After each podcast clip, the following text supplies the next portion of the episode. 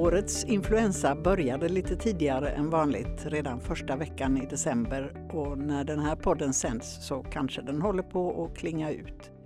Du lyssnar till Vetenskap och hälsa, en serie poddar om forskning inom medicin och hälsa och dagens podd ska alltså handla om influensa. Jag heter Ingela Björk och med mig i studion har jag virusforskaren professor Stefan Schwarz från Lunds universitet. Virus eh, det är ju små parasiter som går in i våra celler och tar hjälp av cellernas maskineri för att föröka sig och spridas.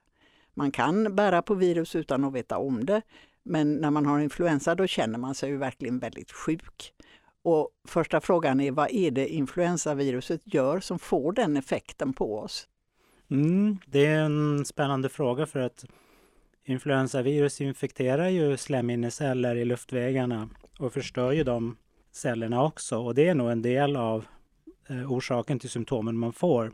Men vad influensavirus är väldigt bra på det är att eh, dra igång vårt immunförsvar och det är mycket av sjukdomsbilden kommer från immunförsvarets reaktion på viruset. Så det är vårt eg våra egna reaktioner, vårt eget försök att bli av med viruset som gör att vi känner oss eländiga? Ja, det är det här snabba svaret, tidiga svaret mot virusinfektionen för att begränsa spridningen som gör att vi känner oss sjuka till stor del. Eh, här i landet så får vi ju säsongsinfluensa som ett brev på posten någon gång i, på vintern, december Ja, kanske. Eh, varför är det alltid på vintern som vi har influensa? Sannolikt är det så att viruset sprids lättare på vintern. Dels för att vi befinner oss inomhus tillsammans tätt ihop och eh, då sprids viruset lättare.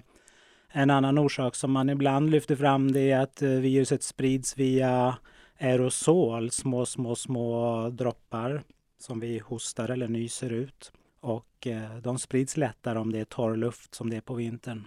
Så antagligen är det de två sakerna. Och det är inte bara vi i Sverige då som drabbas av säsongsinfluensor utan den, de kommer, um, ja kanske på vintern då i olika länder. Ja, där man har tydliga skillnader på sommar och vinter. I andra länder så har man nog influensa året om. Vissa virus har det ju gått att få fram ek- effektiva vaccin mot som smittkoppor och polio. Smittkoppor, den sjukdomen är faktiskt helt utrotad och polio finns bara kvar i några, något eller några enstaka land. Ja. Men med influensa så måste man ständigt göra nya vaccin. Varför är det så? Ja, om, om man ska ha en chans att utrota ett, ett virus helt och hållet så krävs det, att, förutom att man har ett bra vaccin, att, att viruset bara finns hos människor. Så virus som finns hos djur och kan bollas mellan djur och människor, de kommer vi aldrig kunna bli av med egentligen. Och influensa är ursprungligen ett fågelvirus, så det finns en enorm reservoar av influensa hos fåglar och även andra djur, så vi kommer aldrig kunna bli av med influensa. Utan det får vi leva med. Det får vi leva med. Mm. Däremot så kan man ju säga att det har varit, vi är ganska bra på att tillverka vaccin mot influensa. Det kan man göra ganska snabbt. Fågelinfluensa det har gått både bland vilda och tama eh, fåglar i Europa under hösten och vintern och just nu när vi gör den här intervjun så gäller skyddsnivå 2 för hela Sverige och det innebär att om man har mycket fågel, alltså en, en värphönsuppfödning eh, eller så, så ska man ha dem inomhus. Eh, och är det då för att de inte ska få influensa från vilda fåglar och vad, är det för fåglarnas skull eller är det för vår skull? Det är nog både och.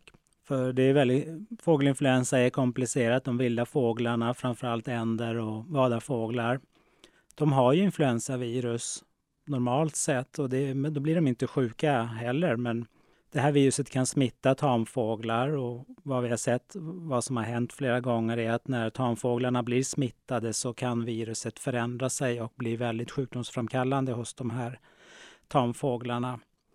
Och det kan bli en tragedi i sig.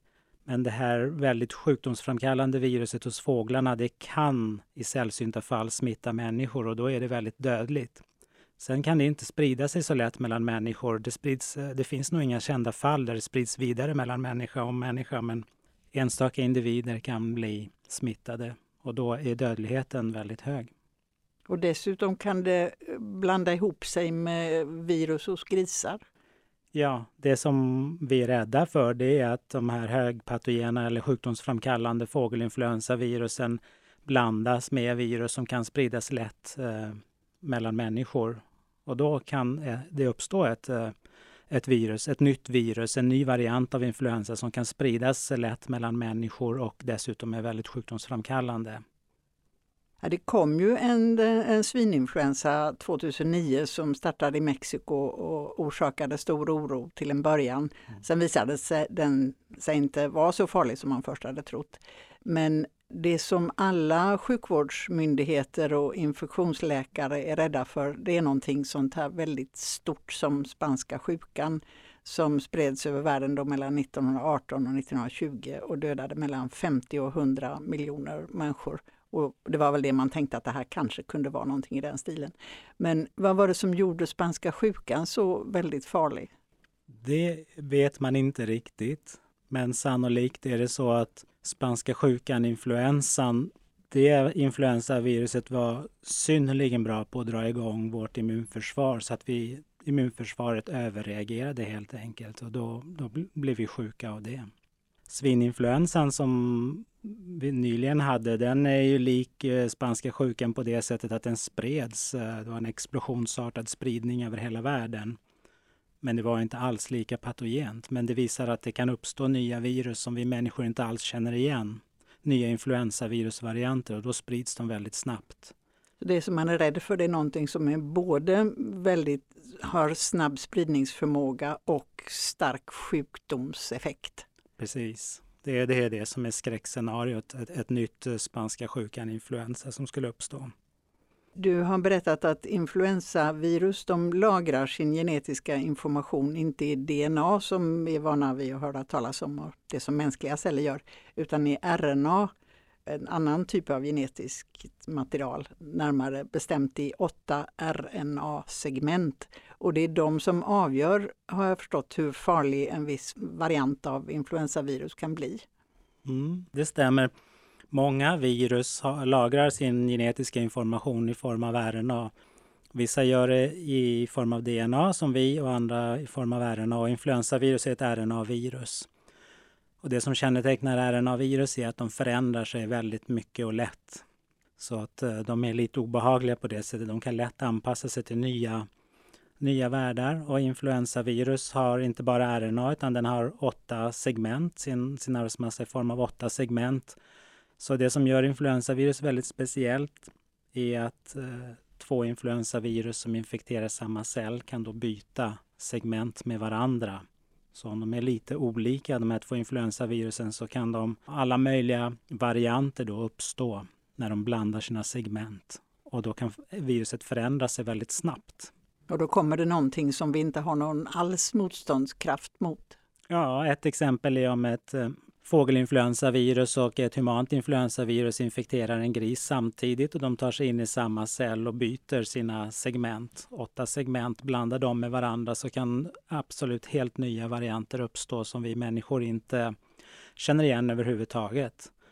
Och har man otur då så blir det en variant som kan spridas snabbt hos människor och som, som du nämnde tidigare som är väldigt sjukdomsframkallande och att den hoppar över från grisen till människa.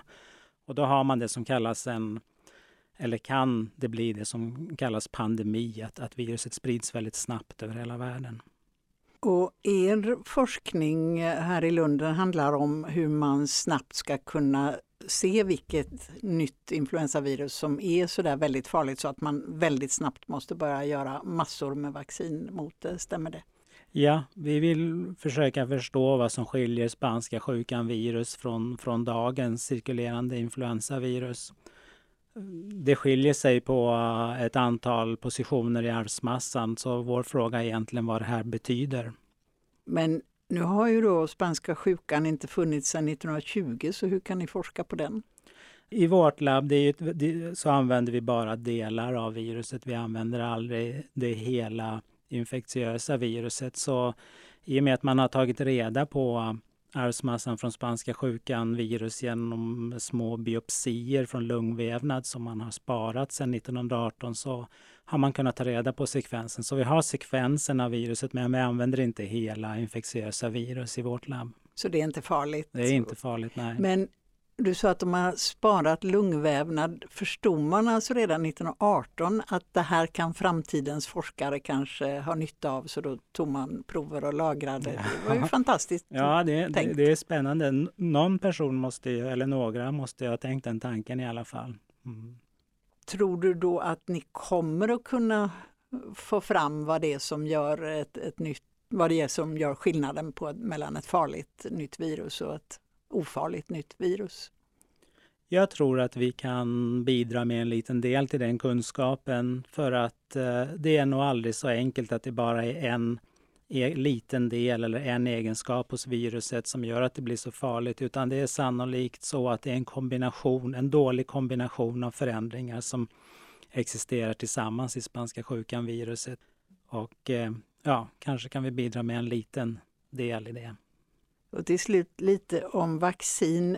Hur lång tid tar det att göra ett vaccin och är det det som gör att det tar tid då, som man ju bekymrar sig över när, om det gäller att få fram väldigt många doser, är det att räkna ut hur vaccinet ska se ut eller är det själva produktionen helt enkelt och framställa det? Ja, det kan nog vara en kombination. Jag vet inte exakt hur lång tid det tar. Det, det, det tar säkert längre tid när ett helt nytt virus uppstår, men eh, då måste man ju kunna odla det viruset om det är en ny variant som uppstår och eh, sen ska det fungera och göra ett, ett, vaccin, ett vaccin som blir effektivt. Man har ju ingen garanti för det även om man har mycket stor kunskap om just influensavirusvaccin. Så man hoppas ju att man kan följa de metoder som finns redan uppsatta. Det, var ju, det blev biverkningar av ett eh, vaccin för några år sedan och, och en del unga människor fick eh, narkolepsi alltså, som är en otrevlig sjukdom. Varför blev det så?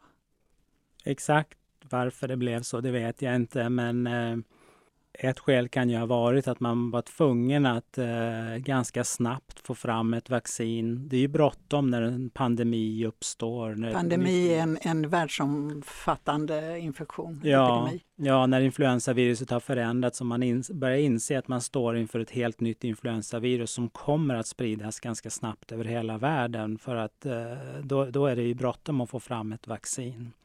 Så att jag tror att, att, att, tidsfaktorn och att man inte har så mycket tid att kontrollera vaccinet, det, det kan vara en bidragande orsak till att det kan hända.